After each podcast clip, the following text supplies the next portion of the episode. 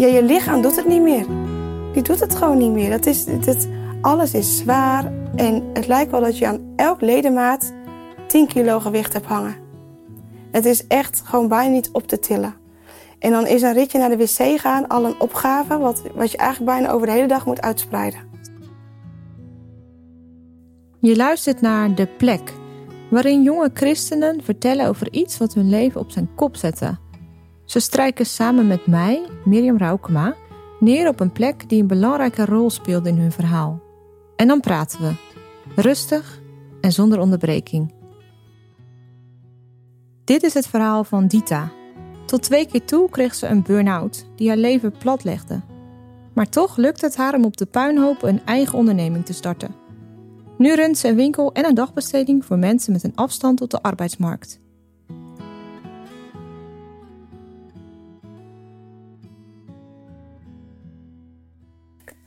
Hey uh, Dita, nou superleuk dat ik uh, bij je mocht zijn hier op deze maandagochtend.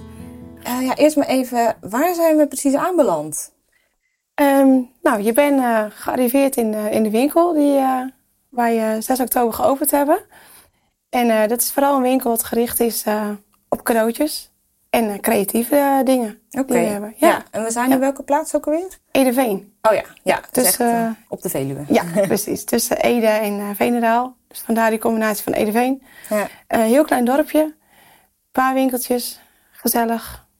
Een beetje mensen. Ons kent ons. Ja. Dat. Ja. hey, want waarom wilde je hier met mij afspreken? Um, nou, wat ik vooral heel leuk vind om hier af te spreken... is dat dit het een beetje het doel is wat uh, behaald is... na een uh, ja, diep dal, mm -hmm. laat ik het zo zeggen. En ook om te laten zien dat ik werk met mensen met een beperking...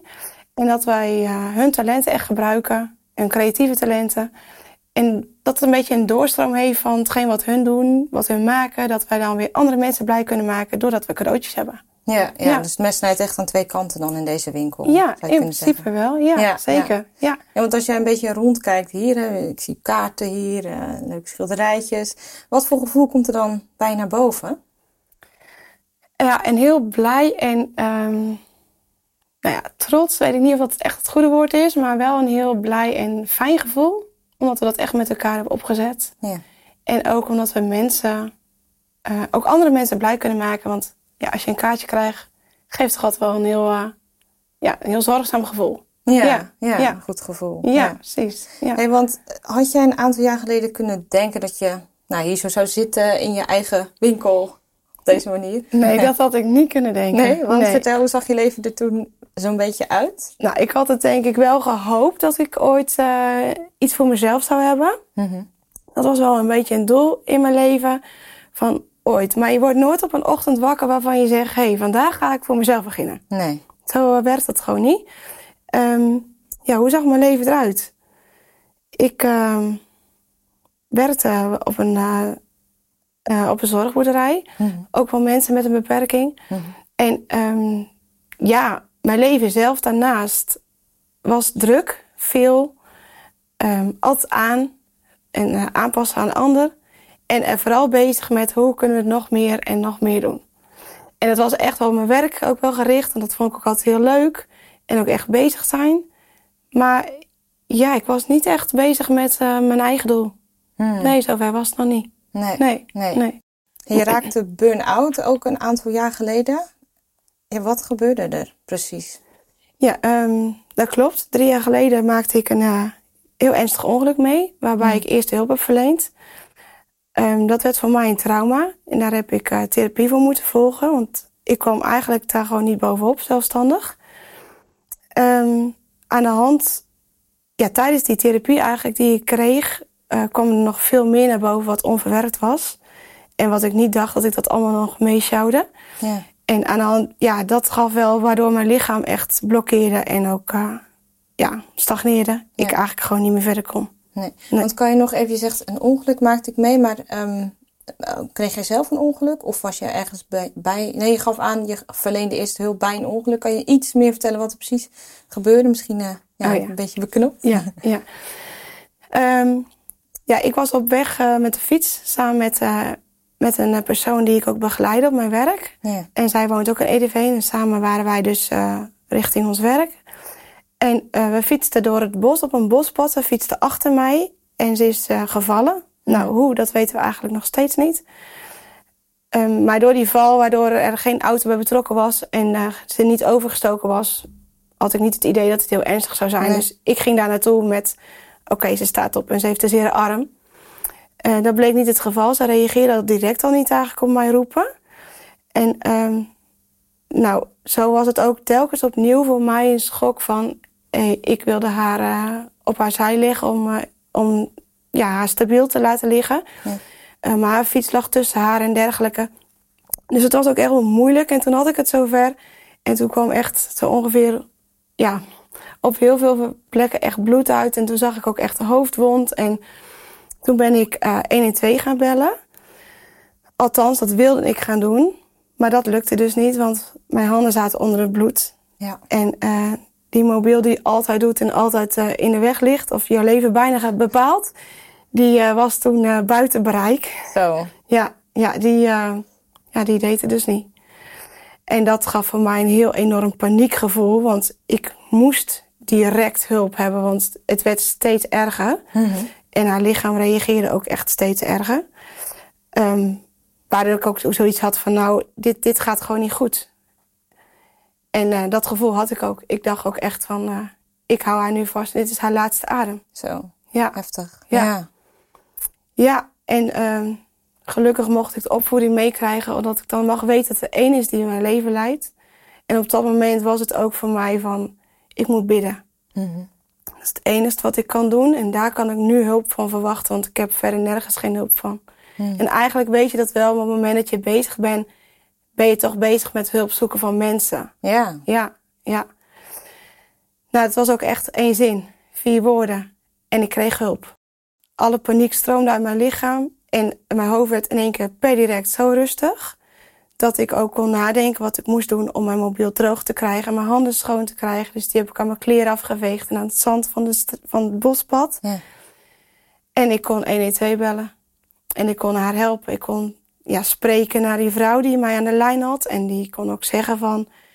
joh, uh, doe dit, doe dat. En uh, ze hoorde ook direct dat het heel ernstig was... door de geluiden die dan, uh, die vrouw maakte die ja. gevallen was. Ja. En toen kreeg ik ook echt wel direct ook te horen... dat er een tweede ambulance zou komen. Omdat ze echt zoiets had van... nou, dit is te ernstig voor één. Ja. Nou, en toen ja, kreeg, gaf zij mij ook advies wat ik moest doen en hoe ik haar moest uh, vasthouden en niet. En dat heeft ook geholpen om te kunnen handelen. Ja, Ja. maar goed, je vertelde net al, hè, het is wel een trauma uiteindelijk bij jou uh, opgeleverd. Ja. En is dat eigenlijk de druppel geweest voor je burn-out, denk je? Ja, het heeft wel zeker in een versneld tempo geraakt. Ja. Ja, Ja. Ja. mijn lichaam kon al deze emoties gewoon niet meer verwerken. Nee. Ik had daar geen kracht voor. Nee, want wat, eh, wat, hoe zag jouw burn-out er, als we een heel klein beetje misschien dan doorspoelen, hè? Uh, hoe zag die burn-out bij jou er dan uit verder? Um, ja, het begint al met het moment dat je gewoon één op ander moment niks meer kan. Ja, Dat klinkt heel raar en ik kan het nu eigenlijk al bijna niet meer voorstellen, omdat ik dan nu al zo ver opgeknapt ben. gelukkig. Ja, precies. Ja. Ja. zo zie ik dat ook echt. Um, ja, je lichaam doet het niet meer. Die doet het gewoon niet meer. Dat is, dat, alles is zwaar en het lijkt wel dat je aan elk ledemaat 10 kilo gewicht hebt hangen. Het is echt gewoon bijna niet op te tillen. En dan is een ritje naar de wc gaan al een opgave, wat, wat je eigenlijk bijna over de hele dag moet uitspreiden. Zo joh. Ja. Wat een ander mens gedachteloos doet bijna eigenlijk. Daar denk je niet over na, want je gaat. Ja. Je houdt het eerder tegen omdat je geen, geen tijd ervoor wil Ja. nemen, als dat je het niet zou kunnen. Ja, precies. Ja. Maar dat was voor jou gewoon een, een, iets waar je tegenop zag misschien. Ja. Ja. Ja, gewoon al vanaf van, de- van je stoel afkomen om daarheen te gaan. Een was afhalen was al een opdracht. Die haalde ik af. Maar dan moest ik uitrusten binnen. Ja. En dan uh, nou, rustte je uit. En dan was het ook van daarna kon je pas opvouwen. Was er weer een rustmoment nodig. En dan kon je je was naar boven brengen. Ja. Dan moest je boven aan de trap weer uitrusten. Want ja, je had een wasmand getild en je had trap gelopen. Het is onvoorstelbaar. Ja, Ja. echt enorme Ja. impact. En ook, eh, dat zijn dan lichamelijke klachten. Had je ook mentale klachten? Uh, ja, wat mentaal heel erg bij mij speelde, was enorme hoofdpijn en een druk in je hoofd. Mhm. Um, waardoor je eigenlijk niet meer kan denken. ik had niet per se depressieve gevoelens. En wat wel zou kunnen en wat op den duur ook wel bijna gaat ontstaan, omdat je heel eenzaam bent. Ja. Ja, je bent echt heel eenzaam. Ehm, en doordat je zo moe bent, kan je eigenlijk ook niet goed filteren. Je kunt dan niet meer nadenken van, nou, het komt heus wel goed. Want dat kan niet, want je, je hoofd is zo moe, je lichaam is moe. Ja. Dus er is geen ruimte om positieve of andere gedachten te krijgen. Nee. Nee.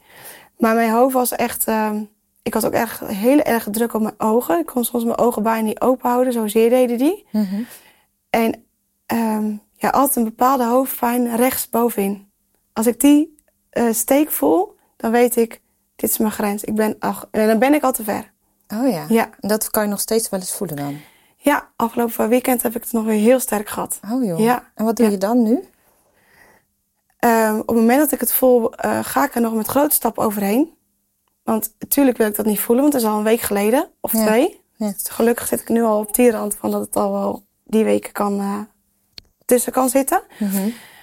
Ehm, ja, rust. Ja, visites afbellen. Niet naar Mhm. verjaardagen. Boodschappen uitbesteden. Eh, maar echt gewoon bijvoorbeeld gaan douchen. Boek Ja. gaan lezen. En een lijkt boek lezen te druk aan je hoofd. Maar het is puur eh, dat een ander hersengedeelte het over gaat nemen. Oké. Ja, Dat werkt ook echt dan? ja. Oké. ja. Dan moet ik niet te ver zijn. Dan moet ik echt op de grens zitten. Ja. Dan gaat het boek lezen. Ja, Ja, En anders... therapie. Ja, eigenlijk wel. Ja. Ja. Want was je toen, ja, ik neem aan dat je toen ook niet kon werken natuurlijk in de tijd dat je die burn-out eh, eh, had. Dat je toen Nee. echt thuis, eh, thuis was. ja, klopt. Want welke gebeurtenissen volgden dan verder ja, na, na die burn-out of tijdens die burn-out, ook als het gaat om je werk? Nou, ik raakte inderdaad eh, helemaal thuis. En toen was het ook de afspraak van nou, blijf nog even gewoon lekker thuis en eh, rust maar uit. Want dat Ja. gevoel had ik ook dat dat het zou zijn. Dat ik dan daarna wel weer er was. Ja. Nou, dat was dus niet zo. En ehm, toen ben ik ehm, met een aantal weken wel weer begonnen met eh, opbouwen. Mhm. En dat was dan, ging ik wel weer op de fiets naar mijn werk. Puur omdat dat ook dan een vast ritme zou gaan worden. Ja. En ik dat ook altijd deed. En dan was het van, nou, dan is dat veel betere opstart. Want ehm, ja, dan geef je weer de basis van waar je vandaan komt weer terug aan je lichaam en aan je geest. Oké. Ja. Ja. Maar dan moest je wel langs de plek waar het ongeluk gebeurde, niet? Ehm, ik omzeilde hem nog wel steeds. Oké, ja, ja. ja. er was Ja. wel een andere route erlangs. Dat betekende wel dat ik twee kilometer moest omfietsen. Zo. Maar ja, ik had het er wel voor over. Het, eh, de plek van het ongeluk ben ik direct naartoe geweest de volgende dag toen het ongeluk was gebeurd. Ja. Maar doordat het zo'n pijnmoment is geworden in mijn lichaam, durfde ik dat daarna niet meer. Nee. Nee, nee. Het had een heel groot gevolg. Mhm. En dat, daardoor durfde ik dat eigenlijk niet meer. Nee. Dus ik ben wel op de fiets naar mijn werk gegaan. En ehm, een uurtje, nou een half uur ben ik begonnen met werken.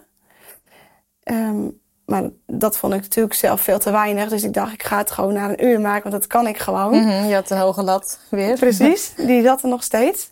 Ehm, maar nee, na een kwartier dacht ik al, ik zit hier nog maar een kwartier.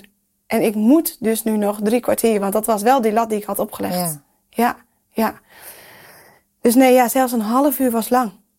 Ja, Ja. was heel lang. En dat was niet echt per se de werkzaamheden, denk ik, maar vooral de prikkels en de geluiden en lichten om je heen. Mhm. Ja, Hm, Die Ja. kwamen gewoon heel hard binnen bij jou. ja enorm. Ja, Want je zei dat je ook therapie hebt gevolgd, ook om, om met die burn-out om te leren gaan. Ja, Ja. Hoe zag dat eruit? Ja, dat ehm, heeft wel meerdere stappen gehad. Aan het begin dat ik vanuit de EMDR kwam, kreeg ik, ehm, ehm, moet ik even goed zeggen, waren het vooral gesprekken van, nou, wat ontstaat er eigenlijk nu, eigenlijk nu bij je tijdens zo'n EMDR? Want er kwamen heel veel emoties los. Plotseling reageert je lichaam ergens op. Ja. Of mijn ademhaling ging heel hoog of heel snel. Ja. Of mijn houding werd in één keer heel strak. En Ja. dat zag dan de therapeut die naast me zat. ja, misschien goed om heel even uit te leggen. EMDR, dat is, kan je dat uitleggen wat dat precies is? Ehm, Hoe zag dat bij jou eruit? Ja, daar heb je verschillende factoren in. Een letterlijke vertaling is in het Engels, dat durf ik niet helemaal zeker te zeggen.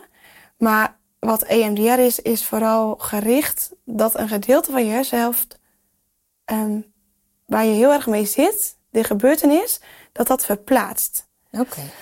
Eh, vanwege de corona toen deed hij dat niet met aanrakingen. Dat heb je ook. Je hebt meerdere ja, stijlen, laat maar zeggen. Mhm. Eh, wat bij mij was, eh, de eerste keer kreeg ik een ehm, apparaat voor me met een, ehm, was een beetje een grote T. En dan zat er een, eh, ging er links ging er een lichtje branden en die ging naar rechts. Oké. En weer van rechts weer naar links. En die moest ik dus volgen met mijn ogen. Ja. Ik kreeg ook oorkappen op, Mhm. zodat de geluiden er bui- de, buitenuit allemaal werden uitgeschakeld. En die moest ik dus volgen. En dan ging zij op den duur zeggen van, nou ja, stop. Of zij, zij las eigenlijk mijn lichaam. Oh ja. Ja. Maar toen ik de eerste keer dat lichtje zag in dat apparaat, dacht ik, ja, de grapje, dat ga ik niet doen. Het lijkt heel simpel of zo, hè? Ja, en ik, maar ik vond, het heel, ik vond het heel raar. Ik geloofde er eigenlijk niet in. Nee. Nee, ik had echt zoiets van, ja, ja, ik, ik kon me ook niet concentreren. Maar die concentratie was bij mij natuurlijk helemaal weg. Ja. Want mijn hoofd deed dat niet meer. Nee. Ik had gewoon geen concentratie meer in mijn lijf. En daarbij, ehm, mijn lijf stond nog zo aan, met alles om mij heen, dat ik me helemaal niet kon richten op één ding. Dat, dat, dat zat helemaal niet meer in mij. Dat Dus was weg. het volgen van zo'n ja, simpel eh, lichtje, het was gewoon eigenlijk te veel al voor jou. Ja, maar ik stond daar helemaal niet, ik stond daar niet achter denken of zo. Dus Hm. ik, eh, ik ging daar niet, eh, niet serieus in, in mee. Nee. Alhoewel ik ook wel dacht, ik moet het wel doen, want dit is wel wat mij gevraagd wordt. Ja. En zij geeft aan dat dit gaat helpen. Ja. Dus ik probeerde het echt wel. Ehm, maar het kostte mij wel moeite. Het heeft, daar kwam minder emotie en gevoel naar voren als de tweede. Want ik heb namelijk daarna een tweede gekregen. Ja. En dat was dus met oorkap op. En dan ging een geluidje in van tik, tik, tik. Constant. En daar moest ik dus naar luisteren. En dan ging zij een vraag stellen aan mij. Ehm, wat als eerste bij mij, wat, wat, wat bij mij als eerste naar boven kwam als ik dacht bijvoorbeeld aan het ongeluk. Laat ik daarbij blijven. Mhm. En dan dacht ik bijvoorbeeld, het moment dat de broeders kwamen en ik wegliep. Die ambulancebroeders die kwamen en ik liep weg. En ik, dat zette mij een beetje een gat. Waarom deed ik dat? Nou, dan moest ik daaraan denken. En dan moest ik dat geluidje altijd volgen. En zo kwam ik eigenlijk weer helemaal op die plek. En dacht ik, ja, ik deed dat omdat die broeders mijn taak gingen overnemen. En ik hoefde haar niet meer te helpen. En ik moest dus toen wonen, gaan bellen en werk gaan bellen. Dat we allemaal later komen. En nou ja, zo. Ja. Ik ging eigenlijk over in handelen. Mhm. In de taak die toen voor mij, eh, van mij werd verwacht. Ja. Dus je, je, en een gedeelte van je hersenen nemen eigenlijk dan over van... Hé, hey, ja, dit is dus het antwoord waarom je dat deed. En die paniek die ik eigenlijk toen heb gevoeld, die raakte dus daardoor weg. ja, want je had eigenlijk nog niet voor jezelf kunnen bedenken waarom je toen die actie deed. Nee, ik vond het een beetje een... eh, ik had daar iets losgelaten waar nog mijn taak lag. Oh ja. Ik vond het vervelend dat ik dat had gedaan. Aha, je nam Ja. het jezelf kwalijk op een bepaalde manier. Eigenlijk wel. Oh ja. ja. en dat kon je op die manier dan een plek geven eigenlijk. Ja. Oh, mooi. En daardoor speelde het geen grote rol meer in mij. En werd het, er- kreeg het een plekje ergens in mijn hoofd van... Het is goed. Ja. Daar mag het gewoon zijn. En het is goed wat je hebt gedaan. En al had je het niet goed gedaan... Je hebt dat niet gedaan omdat je dat bewust deed. Dat ging Nee. zo. Ja. En ja, dat is het mooie van EMDR. Ja. Ja. Klinkt als heel, heel helpend inderdaad. Ja, het heeft me enorm geholpen. Ja. ja. Ja. En heb je ook nog cognitieve therapie of hoe heet dat, gesprekken zeg maar, met psychologen gehad verder? Ja, zij eh, bleef mijn therapeut doordat zij eh, vanuit de EMDR ook echt andere dingen naar boven zag komen. En eh, vond ze heel interessant. En dat begrijp ik ook, dat is haar vak. Ja. En toen zei ze ook van, zullen we hiermee verder gaan? En toen hebben we het eerst even geparkeerd. Van, nou, we gaan eerst even echt ons richten op het ongeluk, want dat is het eerste trauma. En dan gaan we kijken wat er verder daaronder nog ligt, waardoor je nu deze emoties hebt die helemaal niet passen bij het ongeluk, maar jouw lichaam reageert daar wel op. Heel erg extreem misschien Ja. eigenlijk, ja. Ja, ja, ja. Dus eh, ja, dat hebben we gedaan. Dus echt gesprekken, maar ook oefeningen. En ehm, zowel in beeldvorming als in ehm, ja, met, eh, met wol, met, met een touwtje, met, een, met kijken hoe ver is eh, jouw grens. Oké, want waar ging het dan? Want je zegt er kwamen meer dingen naar boven. Ik kan me voorstellen dat je niet in details wilt treden daarover, maar kan je iets toelichten van wat voor dingen waren dat? Ehm, nou, heel simpel iets als bijvoorbeeld wat als eerste echt maar naar boven kwam. ehm, dat ik in eh, groep 4 een eh, vriendinnetje had. Nou, die had ik al vanaf groep 1. Ja. En eh, zij ging verhuizen. En blijkbaar heb ik dat altijd gezien als verlaten. Hmm. Als een beetje van in de steek gelaten. En dat, eh, dat heeft mij heel veel eh, gedaan al die jaren. Ja. En dat kwam als eerste naar boven. Ik had gewoon het gevoel dat, dat ik gewoon ja, door haar in de steek was gelaten. En dat vond ik heel gemeen of zo. Oh ja. Ja, dat denk ik dat, ja, zo kwam dat, zo voelde dat voor Mm. mij. En ook dat ik haar nooit meer had gezien en ik ook niet wist waarom ze gingen verhuizen. Een beetje open eindjes. Ja. Ja, ja dus, dus dat. Dus, maar dat is eigenlijk best heel iets simpels. Dat denk je van nou, ehm, waarom, waarom is dit een angel bij je? Eh, daarnaast kwamen er ook alweer dingen vanuit je opvoeding naar boven. Dat je ook wel eens voelde van, hé, hey, heb ik dat ook niet toen gevoeld? Eh, ik als oudste, waardoor er misschien dingen verwacht worden die eh, niet bij andere broers en zussen verwacht werden. Ja, dat, dat bespreek je dan. En daaruit komt voort van, nou, hoe erg is het eigenlijk? Misschien heb je het wel erger gemaakt dan het was. Hmm. Ja, Ja. Ja. En daar, eh, die dingen die je vroeger hebt meegemaakt, komen ook weer bepaalde patronen die je dan nu misschien in de weg zaten toen in die tijd. Of was het zo niet? Ehm, ja je maakt bepaalde dingen jezelf eigen. Ja. Eh, je ziet dat bij, je, bij degene waar je mee opgroeit. Hmm. En, eh, maar het heeft niet altijd bij mij gepast. Nee. Mijn lichaam is anders. Ik ben eh, hooggevoelig, waardoor ik dingen anders aanneem en anders oppak. Dus ik kan ook veel minder aan inwezen in dat opzicht, omdat ik veel meer tijd nodig heb om prikkels te verwerken. Ja. Maar dat heb ik altijd genegeerd en weggestopt. Ja, totdat het dus een keer vol is. Ja. Ja, dat was dus eh, drie jaar geleden onder andere. Ja. ja. Ben je er tijdens die therapie achtergekomen dat je hoogsensitief bent? Ehm, eigenlijk al wel een paar jaar daarvoor. Toen werd er tegen me gezegd. Alleen, ehm, dat was het. Iemand zei, ik denk dat jij eh, hooggevoelig bent. Of, ja, oké. Ja, ja, die kwam daar wel achter doordat ze ook gesprek was met mij. Ja. En ehm, ik had altijd wel, ik heb ooit een keer uit bladen zoals de Gezinsgids of de Degen of andere bladen wel eens gelezen. En dat knipte ik wel altijd uit. Want Oh, ik dacht altijd, dit gaat over mij. Ja, jij kent het wel. Ik herkende Hm. direct. Ja, maar het was heel onbekend. En niemand om mij heen had dat. En dan ben ik niet de persoon die gaat zeggen: hé, hey, herken jij dit? Of nee, dan hou ik dat een beetje bij mezelf. En Ja. Dan trek ik een beetje terug daarin. En eh, eh, ben ik niet iemand die dat aan de grote klok gaat hangen of zo. Nee. Ehm, maar toen met therapie, ja, was duidelijk direct, zei ze het. Eigenlijk zei ze het met de tweede keer al. Ja, Oké joh. ja, Ja. ja, Dus dat is ook iets waar je eigenlijk mee om moet leren gaan. Want de wereld is daar misschien Ja. niet helemaal op ingericht. Nee, totaal niet. Totaal niet nee, zelfs. Nee, Nee, nee, nee. absoluut niet. Nee. Nee. En ik denk dat het ook nog wel steeds eh, minder gaat worden. Hm. Omdat er nog steeds meer prikkels om ons heen komt. En ook veel meer wordt verwacht. Ja. En daarnaast, ehm, wat ook wel bekend staat bij mensen die hooggevoelig zijn, is dat we sociaal heel sterk zijn. En nou, het sociale wordt ook steeds minder. Waardoor wij wel verwachten van mensen hetgeen wat wij geven. Oh, alleen ja. dat krijgen we niet. Dus je wordt ook veel teleurgesteld dan. Heel misschien. veel. Hmm. Ja, enorm. Maar goed, je ontdekte dus allemaal nieuwe dingen eigenlijk over jezelf. Ja. Eh, wat heeft dat met jou persoonlijk ook gedaan? Ja, de therapeut zei een keer tegen mij, en dat vond ik heel mooi. ehm, ik zei, zal ik ooit nog te ouder worden?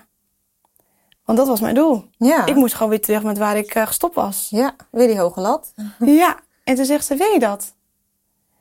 En toen dacht ik, nee, dat wil ik helemaal niet. Nee, ik wil dat eigenlijk helemaal niet. Maar ik wil wel weer alles kunnen wat ik toen kon. Ja. Dus wel het tempo, de energie en ervoor gaan.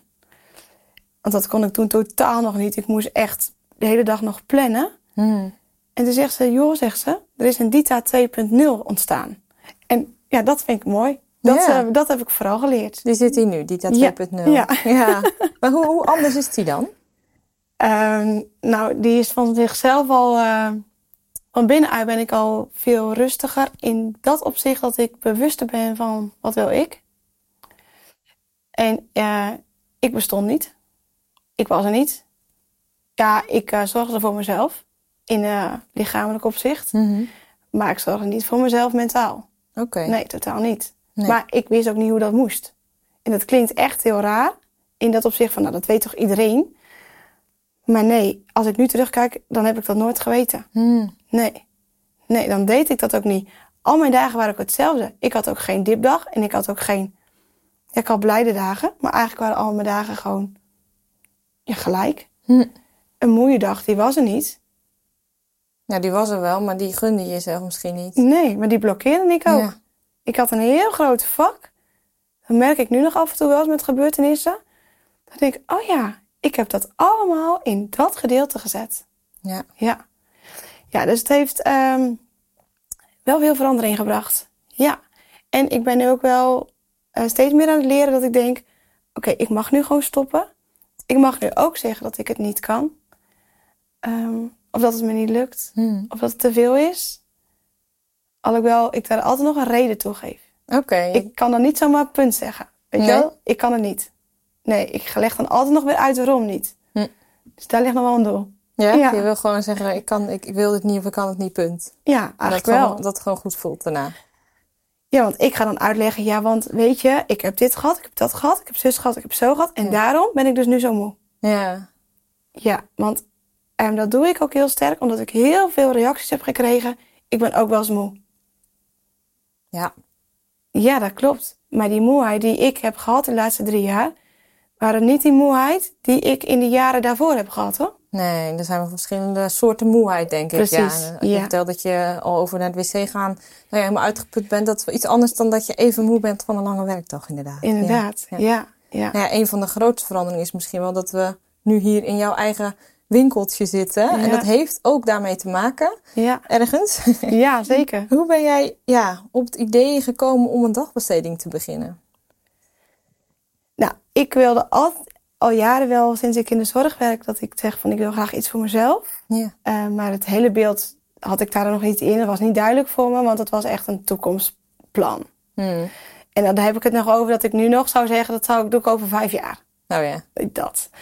Ehm, maar tijdens mijn burn-out eh, was ik aan het opknappen op mijn werk en aan het herstellen. En toen eh, zou ik een vast contract krijgen en toen kreeg ik helaas mijn ontslag. Zo.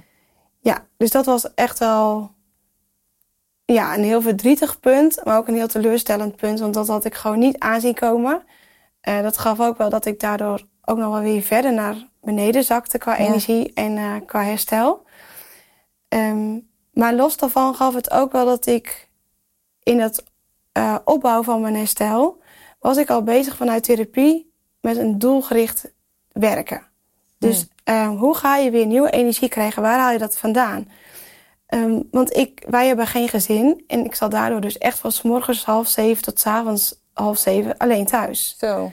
Ja. Dus dat ehm, ja, waren lange dagen. Ja. En als je dan niet veel kan en je eigenlijk om negen uur s morgens eh, al moe bent, om eigenlijk naar bed te weer, weer te willen, omdat je gewoon niet weet ja, hoe je iets moet doen of hoe je een boodschap moet gaan halen, ehm, gaf zij aan van, joh, ga iets doelgericht werken of ontdekken, waardoor je wel energie kan krijgen, maar waardoor je ook het gevoel hebt dat je nuttig bent. Oh ja. En eh, toen zegt ze, wat, wat zou je ooit nog in je leven willen? Ik zei, ja, voor mezelf beginnen. Dat wist je wel meteen. Dat wist ik direct. Ja. Ja, ja. Oké, zegt ze, dan ga je daar gewoon mee bezig zijn. Ik zeg, ja, maar ik weet nog helemaal niet hoe. Dat is iets over vijf jaar of zo. Of eh, acht of tien. Maakt niet uit. Ga de gemeente maar bellen. Ga maar eens horen wat dat betekent. En wat je allemaal nodig hebt en hoe dat moet. En... Ja. Nou, dus daar was ik mee begonnen. Dus zo zat ik af en toe een half uurtje of een kwartiertje thuis achter de computer. En ik voelde me eigenlijk heel nuttig, heel zinvol. Want ik ging de volgende dag kijken of ik een mail had gehad. Want ik had contact met iemand Ja. buiten, terwijl ik gewoon thuis was. Maar buiten mijn netwerk om had ik dus contact. Ja. Dus zo lag er al een beetje een basis. En eh, nou, toen kreeg ik mijn ontslag. En op diezelfde dag kreeg ik dus bericht van het dorpshuis... waar ik dus een mail naar had gedaan van... zou dat kunnen bijvoorbeeld in jullie ruimte, in, in jullie pand, een, eh, een dagbesteding? Had ik dus een mail gehad van het kan. Nou, ik was echt heel erg verbaasd, want in die week had ik een mail gedaan naar de gemeente. En eh, mijn ervaring is dat gemeenten niet altijd heel snel reageren. Een statement, ja. precies. Vraag. Ja. En eh, nou, ik had gewoon niet aanzien komen dat ik dan binnen twee dagen al een antwoord zou krijgen. En dat ik dan vanuit het dorpshuis zelfs met een dag al antwoord zou krijgen. Dus ja, dat, eh waar op de ene dag, of dat op één dag eigenlijk een deur heel hard dicht ging, ging er ook een deur liefdevol open. Ja. Ja, Bijzonder. ja, ja, Ja. dat was heel mooi. Dus Ja. toen ben je daarin verder, eh, verder Ja, gegaan. toen eh, heb ik afspraak gemaakt om contact op te nemen. En ik was ook wel een beetje in een flow dat ik dacht van, hè, hoe kan dit? En ik weet ook wel dat mijn lichaam en mijn, en mijn hoofd ook echt op, op alle twee zat. Want ik was vol emotie door die gebeurtenis. Maar ik kreeg ook wel heel iets moois er eigenlijk voor terug. Ja. Ja, ook heel veel nieuwe energie dat ik dacht, zou het dan nu echt aan de tijd zijn dat ik dit moet gaan doen? Ja, want zou je Ja. eigenlijk kunnen zeggen dat je die burn-out misschien op een bepaalde manier nodig had om deze stap te durven zetten? Ehm, ja, ik had hem liever niet nodig gehad. Mhm. Maar ik denk zeker wel, als ik hem niet had gehad, was ik niet zo sterk met deze winkel nu gehad. Had ik niet zo sterk dit punt gehad als dat er nu was geweest. Nee. Nee. Al zou ik dan bijvoorbeeld in deze periode eh, mijn dagbesteding hebben gehad. En gewoon echt gewoon dit. Dan was hij niet zo krachtig geweest als nu. Nee, nu ga je er echt helemaal vol voor. Ja, Ja. en nu zie ik ook de dingen eh, bewuster als dat ik toen had gezien. Oh ja. Ja. Ik ga nog steeds wel voor die elf in plaats van voor die zeven. Ja. Maar ik mag nu ook wel, het mag nu ook vaker een 7 zijn. Oké. En dan is het eigenlijk ook goed. Ja. Ja, en dat al, ik denk niet dat ik dat anders had gehad. Nee. Nee, want we zitten dus in jouw, eh, in jouw winkel bij Tand in Edeveen. Ja, Eh dat is een winkel en een dagbestedingen. Je noemde het al eventjes. Wat doe Klopt. je hier precies? nou wij hebben eh, het eigenlijk een, eh, een oud, oude winkel was het voorheen. En het is ook nog in gebruik geweest door de huisartsenpraktijk. Hmm. Met drie kamertjes. En die drie kamertjes hebben we één kamer gemaakt voor een werkkamer.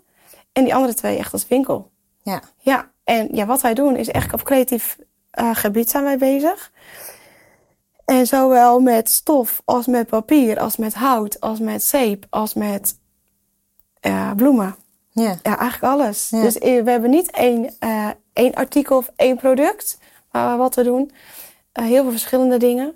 En dat, ehm, ja, dat maken we als cadeautjes. Ja. ja. En daarnaast hebben we ook nog cadeautjes wat ik ook gewoon inkoop bij de groothandel. Mhm. Ehm, maar sommige dingen werken we dan weer af met een sticker of met een touwtje of met een labeltje weer wat, eh, wat we zelf dan maken. Of uitponten of op maat knippen. Ja. Ja. Ja. En ehm, ja, de, de kaarten die ik eh, zelf teken. Een heleboel soorten Ja. en maten. Ja, ja. Leuke plaatjes erop. Ja, want wij, dat, dat ben jij dan eh, met jouw medewerkers. En dat zijn jongeren of mensen met een beperking, hè? Ja, het zijn jongvolwassenen. inderdaad met een beperking of afstand tot de arbeidsmarkt. Ja. Dus eigenlijk Ja. nog wel de doelgroep waar je vroeger ook mee werkte. Ja. Die dan nu ja, ook nog weer eh, Ja, onder je hoede neemt. Ja. ja zeker. Hou je hier veel voldoening uit, uit het werk hier? Ja, absoluut. Ja. ja, als ik al zie hoe eh, blij ze zijn met een product wat we dan samen bedenken. Of wat door iemand is bedacht en we voeren dat uit. Dan kunnen we ook echt met z'n allen gewoon blij zijn. Dan zijn we blij dat het lukt. En het leuke daaraan is dat we ook hetgeen wat we maken ook kunnen verkopen. Dat we ook zien dat de klanten daardoor weer blij worden. Eh, al is het voor hunzelf of als het is voor een cadeautje voor een ander. Ja, dat Ja. brengt denk ik vaak een glimlach op het gezicht Ja. als mensen hier rondlopen. Klopt, ja. En het leuke is ook dat ze kunnen helpen bij de kassa. Dat ze ook ehm, ja, daarin ook het stukje afsluiting hebben van... hé, hey, nou, ik heb ook aanspraak. Ik heb ook te maken met mensen buiten mijn netwerk om. Ik sta eigenlijk midden in de maatschappij. Ja. Ja, dus met de meest simpele dingen... althans wat wij heel simpel, als simpel ervaren of zien... ja, maar maken we elkaar blij, ja. Ja. Ja. Maar ik moet ook niet mijn vrijwilligers vergeten. Nee? Nee, absoluut niet. Nee, Wat want zonder hen was, ik niet zo, was het niet zo ver gekomen. Nee, dit Nee. is echt wel nodig. eh, ja. Die heb ik echt nodig, maar hun hebben mij eh, ook wel zo ver eh, gebracht, ja. Om dit te gaan starten. Ja, Oh, zeker ja. weten. Ja. Hoeveel heb je er? Ik heb er ehm, vier. Ja, Mooi clubje. ja, zeker. Ja, Ja. En de een komt één keer in de maand, de andere komt iedere week. Dus dat wisselt ook. En de dagen Ja. dat ze komen wisselen. Ja, Klinkt goed. zeker.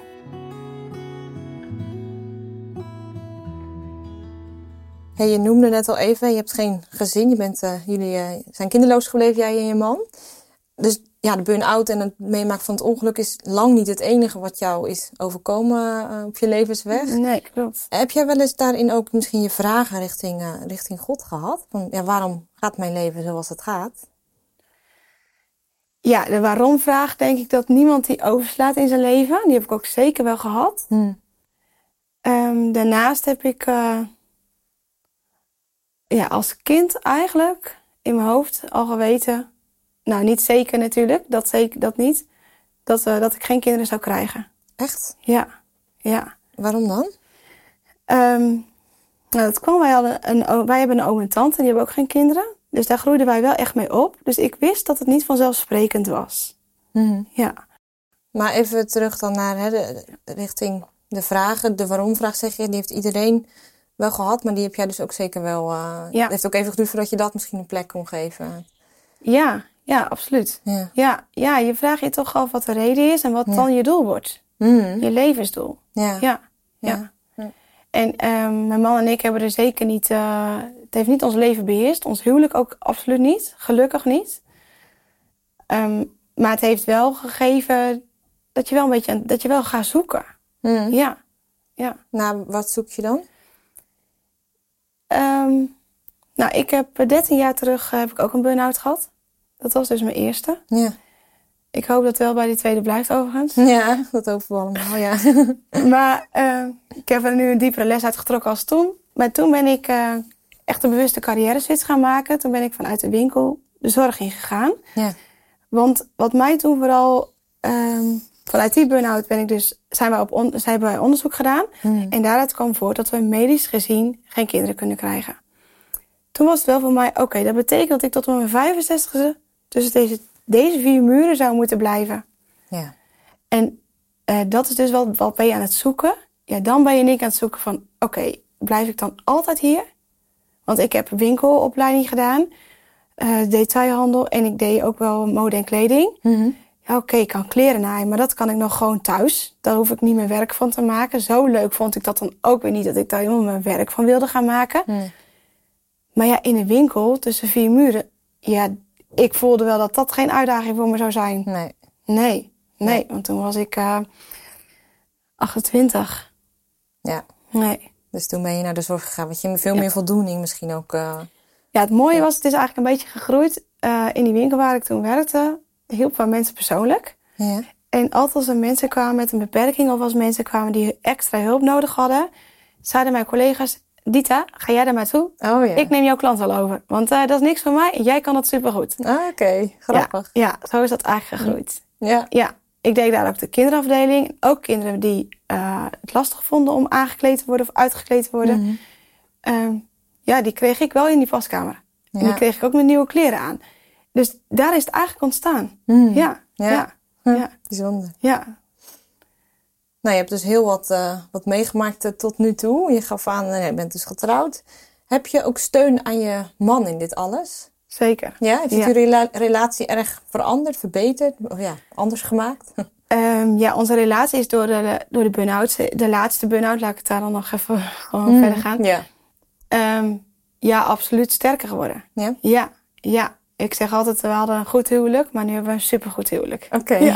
dus echt, echt een stuk beter eh, nog. eh. Dat hoeft ook al, niet altijd zo te gaan natuurlijk. kan ook Zeker heel niet. nadelig zijn. Ja, Ja, ja, je hoort echt ook van mensen die juist dan uit elkaar groeien, omdat je elkaar niet begrijpt. Precies. En hoe moeilijk is het om te begrijpen dat als hij thuis komt en we hebben een verjaardag, terwijl ik de hele dag al heb gerust, hè, want we hebben vanavond een verjaardag, daar wil ik naartoe. Ja. Eh, ik ga mee en ik zeg in de auto onderweg er naartoe, eigenlijk al, over een uur wil ik naar huis.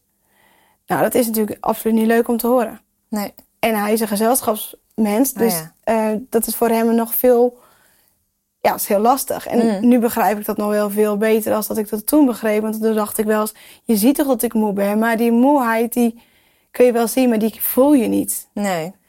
En ehm, nee, hij, eh, hij is dat echt wel zeker eh, gaan zien. Maar ook, dat, dat is ook zeker vanuit mezelf wel veranderd.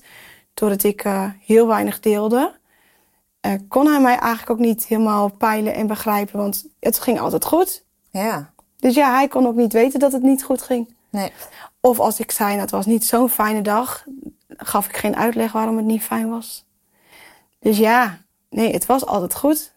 Maar het is nu echt wel heel goed, ja. Stuk ja, beter ja, absoluut. Nee, we zijn echt dichter naar elkaar toe gegroeid. Ja, ja, mooi. Ja. ja. Hey, want wat heb jij van de burn-out en alles eromheen zelf geleerd? Kun je eens een paar dingen noemen? Ehm, nou, het eerste wat bij me naar boven komt, wat ik ervan heb geleerd, is eh, delen Mhm. en eh, voelen. Bewust stilstaan. Ehm, ja, en dichter bij mezelf blijven. Ja, ik was altijd aan het aanpassen. Ik was eigenlijk altijd bezig met wat vindt de ander ervan en hoe- wat moet ik voor de ander doen. En dan niet per se in negatieve zin van, oh, ik doe het niet goed als ik dat niet doe. Maar ik was gewoon bezig met het ander naar de zin maken. Ja. Heet Ja. Een pleaser heet dat of niet? Ja, ja, ja, ik ging er net niet op mijn knieën voor die ander. Nee, Nee, dat precies. Nee. Maar als de ander het goed had, had jij het ook goed. Ja. Wijze van. Ja, Ja. ja. Ja. ik weet dat de uitspraak wel was van de dominee dat hij zei: eh, Heb je naaste lief als de ander? eh, je naast lief als jezelf. Toen dacht ik, ik vind mijn naaste veel liever dan dat ik mezelf vind. Ja. Ja. Ja. Ik wist ook niet hoe ik dat wel moest omdraaien. En nu wel? Ja, het is nu wel gelijkwaardiger. Ja, ik vind het nog zeker moeilijk. Hmm. Ja, ik vergeet mezelf echt nog gauw. Ehm, maar nee, dat, eh, dat gaat wel een stuk beter. Dat heb ik echt wel geleerd. Ja. Ja, Dat is ook een proces, denk ik, waar je misschien nog in zit. eh. ja middenin. Ja. Ja. Maar het gaat nu wel makkelijker. Voorheen moest ik daar nog wel op gewezen worden door mijn man bijvoorbeeld. Dat hij zei van... ehm, ik weet niet, maar dit is niet wat we hadden afgesproken. Of ehm, dit is niet wat je hebt geleerd. Dan, eh, dan dacht ik, oh ja, dat klopt. Hoe moet ik het ook alweer doen? Hmm. En dan moest ik bijna zoals mijn schriften soms bijpakken. Met het uitgewerkte wat ik dan had. En nee, nu gaat dat toch wel. Dat, nu gaat al, eigenlijk alle signalen in mijn hoofd branden van... Hé, hey, stop, hou op. Ja. En ehm, nu weg. Ja.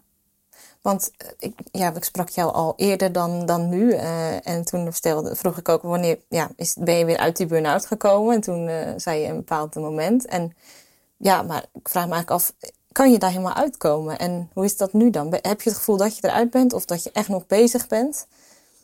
Ja, ik... ehm, inderdaad, toen ik jou sprak, had ik echt zoiets van... Ik ben er, ik ben er. Ja. Maar toen zat ik nog heel erg in de flow van de opening. Hmm. En eh, het opbouwen van mijn eigen plek heeft me enorm veel energie gegeven. Ik heb me eigenlijk nu nog niet eh, zo goed gevoeld als de afgelopen drie jaar. Maar nee, ik ben er echt nog niet. Nee, ik heb het dan afgelopen weekend weer eh, echt wat teruggeval gehad. Ja. Eh, na de opening ook. Dat heeft echt een paar dagen geduurd. Nu gelukkig maar één dag. Maar hoe ziet zo'n terugval eruit dan? Ehm, ja, je hebt, aan iedere ledemaat heb je wel weer een eh, gewicht hangen. En dan, wat ook vooral is, ik zeg wel eens, mijn nek lijkt dan echt een schroef. Die is Mhm. gewoon bijna niet meer te draaien. En mijn hoofd, ja, die bewuste plek dan weer Mhm. rechtsbovenop. Ik was bijvoorbeeld eh, zaterdag in een huis aan het helpen met eh, overhuizen. Mhm. En toen dacht ik al, oh nee, ik ga niet boven helpen, want er waren er meerdere aan het helpen. Ik denk dat kan niet, want al die geluiden en gaan ze met mij praten. Ik, ik kan al niet meer praten. En eigenlijk had ik toen al moeten stoppen. Nou, als ik het heel bewust had moeten doen, had ik al niet eens moeten gaan. Nee, maar je- die gaat dan dus toch? Ik ga wel. Ja. Ik wist eigenlijk al dat ik niet moest gaan. Ja. Maar ik ga toch. Want ja, opgeven is geen optie, zeg ik wel eens. Hmm. Maar het was niet verstandig. Want dat betekende wel daardoor dat ik mijn visite moest afbellen die avond. Ja. En dat ik dan eigenlijk ook gewoon vanaf het moment dat ik thuis kwam om vier uur 's middags naar bed moet. Ja. Want ja, wat voel je dan? Het is ook best lastig om dat echt goed te omschrijven. Want kijk, ja, hoofdpijn. Ja, wat is hoofdpijn? De een voelt het als een prikkel, de ander voelt het als een scherp zwaard. Ja. Ehm, maar het doet echt heel erg zeer. Ja, en je hele lijf doet het gewoon niet meer. En, en ieder geluidje en ieder licht. Ik heb laatst zelfs gehad, toen had ik ook, dat was, dat was eigenlijk na de opening. Toen zat ik in een auto en toen zou ik terugrijden. En eh, het was s'avonds en we rijden op een grote weg. Hmm. En dan komen we auto's tegen. En ik had eigenlijk op die grote weg mijn grote licht op. Want dat was toen even nodig. Ja. Maar er kwam tegemoet komend verkeer aan. En die grote lamp moest uit. Maar ik wist niet meer hoe. Alles is dan uit. ja. Ja. Dat is ook niet helemaal veilig meer om te rijden dan. Nee, het is gewoon gevaarlijk. Het is Ja. echt gevaarlijk. Ja. Ja. Het enige wat ik wist is remmen. Oh, gelukkig. Dat is Ja. wel cruciaal op zich. Precies, een van de belangrijkste dingen. Ja. Eh, dus ik remde ook. En eh, ik zat echt vier keer te proberen hoe de lampen uit moesten. En toen zeg ik tegen mijn man, hoe moet de lamp uit? Ja. Hij zegt, wat is het? Wat? Zo van, ja, wat het voor een Wat een vraag? rare vraag. Ja. dat weet je toch gewoon. Maar ja, ondertussen rij je wel nog steeds door. En die, en die tegenliggers komen steeds dichterbij. En Ja. je hoofd zegt wel, uit die lamp, uit die lamp, uit die lamp. Want dat, is, dat heb je geleerd. Dat zit Ja. automatisch in je rijden. Ja. Maar ik wist niet. Ik wist het gewoon echt niet meer. Nee. Nee, en, en dat, is, dat gebeurt dus. Dat je dan echt dingen niet meer weet. Nee. En ja, dat, dat heb ik wel steeds, dat heb ik echt steeds minder hoor. Dat komt echt heel weinig nog voor. Hmm. Als het voorkomt nu, is het wel een extreme teleurstelling. Doet dat wel heel veel pijn. Want dan Hmm. denk je, het is er nog steeds. Ik ben het nog steeds niet kwijt. Nee. En dan zijn we toch wel drie jaar verder. Ja. Ja. Maar, maar heb je er wel hoop op dat het ooit echt helemaal weg is? Of is het ook iets waarmee je moet leren leven misschien af en toe zo'n terugval?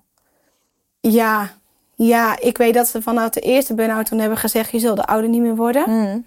En ook nu is dat na de tweede gezegd. Die zullen ouder niet meer worden. Nou, dat is een 2.0 uit voortgekomen Ja, natuurlijk dan. Eigenlijk een 3.0 dan zelfs misschien. Maar ehm, ik denk dat ik wel mee zal moeten gaan leren leven. Dat ik echt pieken en diepe dalen heb. ja. Ja, ja. Ja. Want op het moment dat het goed gaat en energie heb, dan gaat het ook goed. En dan kan ik ook alles, dan bedenk ik alles, dan, dan doet mijn hoofd ook alles en mijn lichaam. En ja, waarom zou je dan zeggen, ik doe het niet, want eh, wie weet komt er iets in terugval. Nee, zo zit ik ook niet in elkaar. Nee. Nee. Dus ik zal, het, het zal in mijn systeem moeten gaan, eh, gaan passen, ja. Ja. ja. En ik ben nog steeds wel heel erg bewust bezig. Oké, heb ik twee avonden in de week wat, dan kan ik de volgende dag niks afspreken. En s'avonds afspreken is nog steeds wel een ding. ja. Ja, ja, Het is natuurlijk eind van de dag hè, en heb je veel energie verbruikt dan Ja. waarschijnlijk. ja. Een, een werkdag, een hele een werkdag is ook altijd nog echt wel een, eh, een opgave. Of nee, het is geen opgave meer. Maar wel dat ik denk van, oh ja, nu ben ik thuis en dan kan ik eigenlijk, bij wijze van ook niks meer. Nee. Nee. Als je zo terugkijkt op, op je, ja, hoe je leeft, je bent bijna 40 gelo- geloof ik. Klopt. Wat voor gevoel overheerst er dan eh, bij jou? Ehm, ja, wel vooral dankbaarheid. Ondanks alles. Ja. Ja, ja ik heb echt eh, in al die diepe dalen die, we, die ik heb meegemaakt. En dat zijn er echt naast dit ook nog andere geweest. ehm, altijd wel geholpen. Ik ben er altijd weer bovenop gekomen. Ja. En als ik nu zie waar ik nu ben en wat ik nu heb. Ja, dat is maar door één gegeven. Ja, mag ik echt zeggen. Mooi hoe je zo'n eh, inkijkje gaf in je leven. Dank je wel daarvoor. Helemaal goed. Graag gedaan. Fijn dat je luisterde naar De Plek. Zou je jouw verhaal ook willen vertellen? Dat kan. Stuur een mail naar podcast.rd.nl. Volgende week vertelt Gerben over het verlies van zijn vriendin Elisa, die overleed toen ze nog maar heel kort een relatie hadden.